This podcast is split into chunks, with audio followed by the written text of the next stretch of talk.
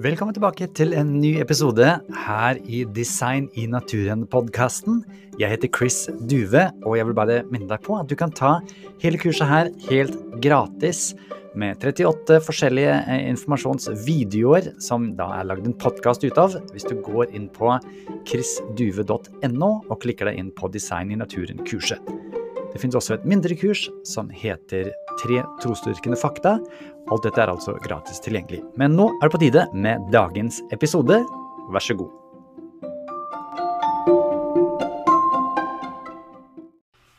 Hei, det er Chris her, og i denne videoen skal vi snakke om RNA-verdenen.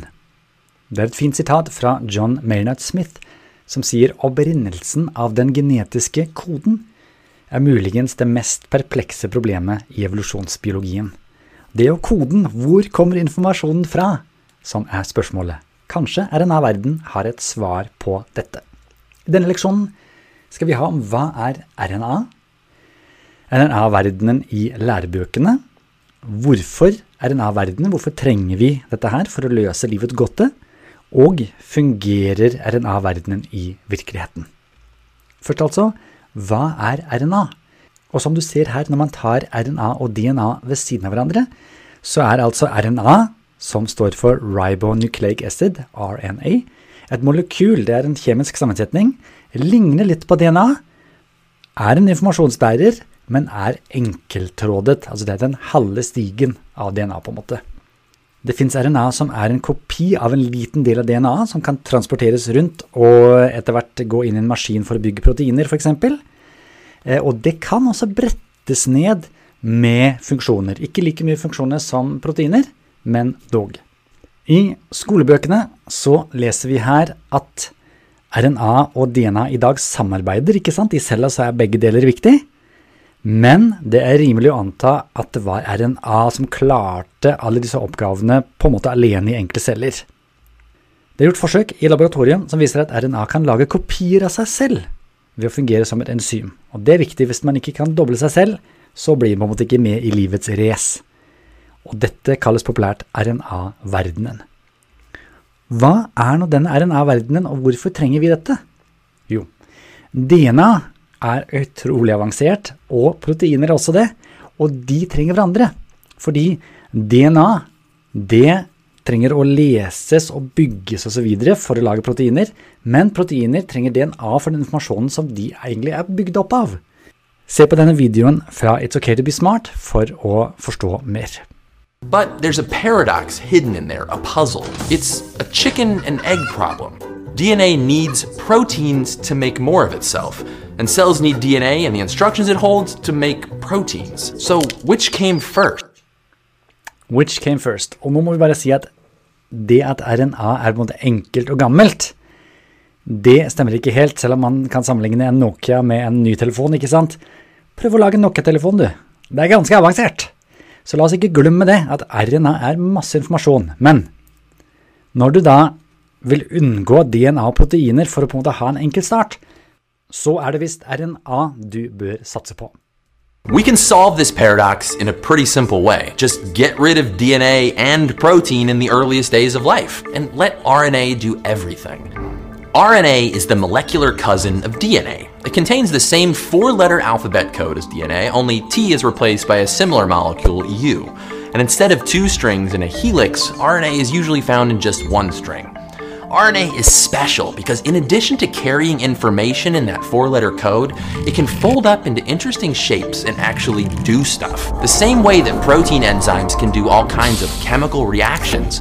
RNA enzymes, called ribozymes, can work life's machinery too. It's now thought that life began in an RNA world.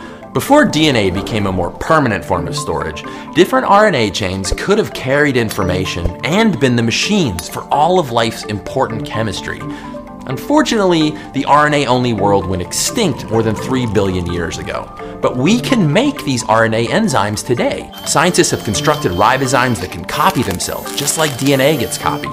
And these copies occasionally have errors or changes, so RNA can evolve too.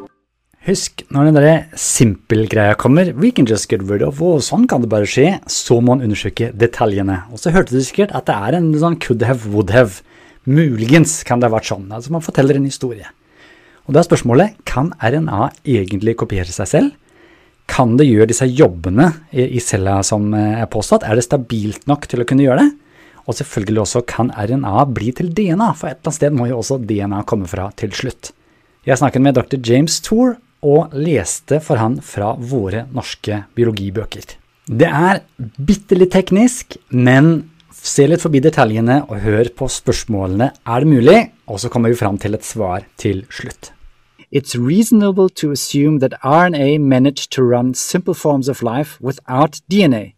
Tests in the lab have shown that RNA can make copy, copies of itself um, as an enzyme. And this RNA enzyme or machine can put nucleotides together, and natural selection has been observed in this so called RNA world.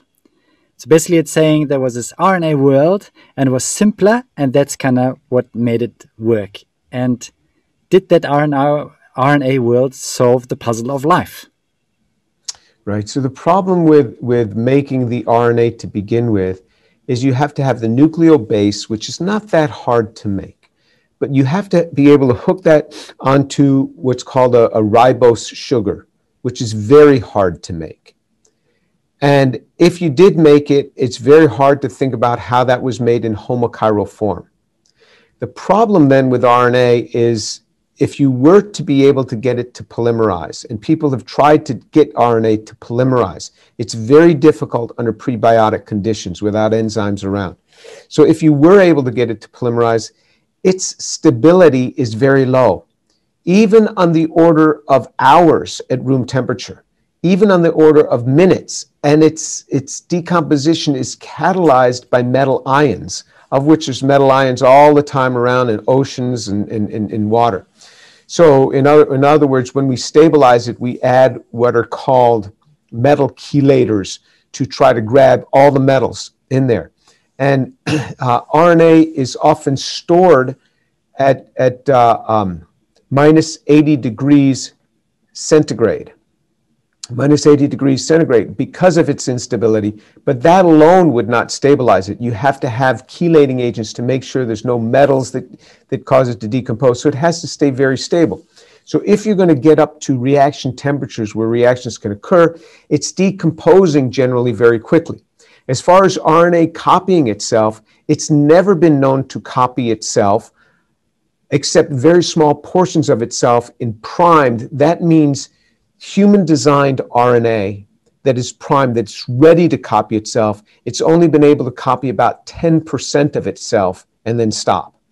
So you only get something about 10% as long as what the RNA was. So that's not a copy. And that new 10% is not long enough to be a template for another one to be copied. So even this suggestion that it copies itself is very hard to fathom. Mm. Uh, with people trying under the best of conditions, it's very hard to fathom. The other problem is when it does copy itself, the two RNA molecules stick together very strongly. They don't come apart. So if you actually read in the experiments where they do things, where they suggest, for example, RNA was made on a clay template or something, you have to add what's called ion exchange resins. You have to uh, deal with the ions to get them apart. So the problem with RNA is it, it, has this too sticky problem. It sticks to itself too, too much. And, and uh, RNA has never been shown to do the very things that you're talking about. Uh, um, uh, so RNA is, is, is, is the, the system that takes amino acids and hooks it together to make enzymes to build cellular components. But without other associated enzymes which help to bring in these components, it doesn't work. So, so there's so many pieces that would have to come together at once. Again, it's very easy to throw this out as a suggestive idea, but as soon as you get into the details, it becomes very hard to figure out. Og det er tydelig for oss at dette går ikke opp. Man trenger design for å få til en rekkefølge med mening. Funksjoner som formering er utrolig avanserte, og dette får altså ikke RNA til. Så har de igjen samkomst av nødvendige konstruksjoner samtidig for at ting skal kunne virke og formere seg og bli mere, og det krever informasjon og struktur. Det som er morsomt, er Du husker kanskje fra It's OK to be smart at forskere måtte sette sammen eksperimenter for å få det til. Det betyr at de måtte designe noe med sin intelligens. La oss høre hva dr. Meyer sier om nettopp dette. The RNA chemist, sometimes called a ribozyme engineer, uh, is provides the information in the molecule that is responsible for even the limited ability it has to copy parts of itself. So, what's being simulated there in these prebiotic simulation experiments? Again, I would argue that what's being simulated is the need for intelligence to generate information to get biologically relevant function.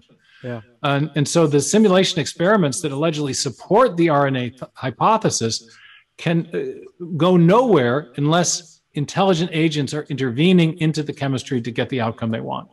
Intelligens og design trengs. I neste leksjon skal vi snakke om hva som skjer på innsiden av cella, litt mer fascinerende videoer om de forskjellige maskinene osv. som finnes der. Men i denne leksjonen så har dere altså lært om RNA og hva det er for noe, hva en RNA-verden er, hva det vil bety, og at den har store utfordringer i virkeligheten, som f.eks. å ikke kunne kopiere seg selv mer enn 10% hvis man virkelig legger til rette for det. For å få til RNA så trenger man informasjon, og for å få til DNA desto mer informasjon.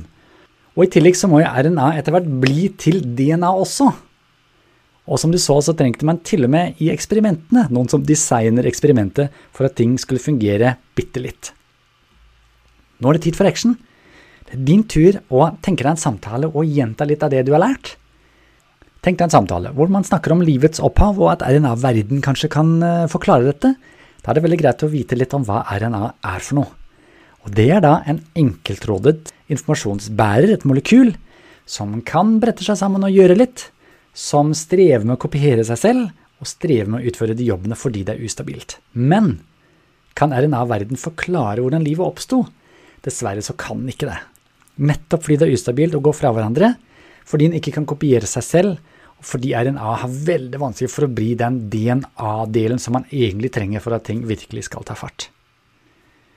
Hva trenger man for å få til fungerende informasjon? Det er alltid veldig lurt å kunne ha et svar på. Fordi da sier folk ja, men du sier bare at det er intelligent design, for du veit ingenting om hvordan det blei til. Nei, vi vet. Vi har alle erfart, overalt. Ser vi en bok, ser vi en stein som har en innskrift, ser vi informasjon, ser vi en rekkefølge som gjør noe fungerende informasjon av et eller annet vis, så er det intelligens, så er det designet, så er det et sinn som står bak. Og da er også det et opplagt svar når det gjelder RNA-koden, DNA-koden, hvordan disse maskinene fungerer sammen. At her er det intelligens, her er det design som står bak. Du kan skrive ut oppgavearket og fylle ut der, eller prøve å ha en samtale med noen som er i nærheten. Dette klarer du.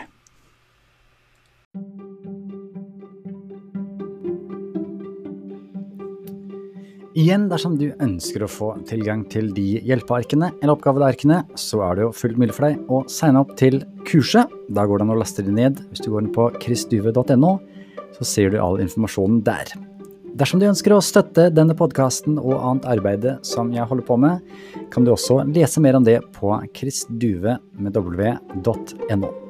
Takk for nå.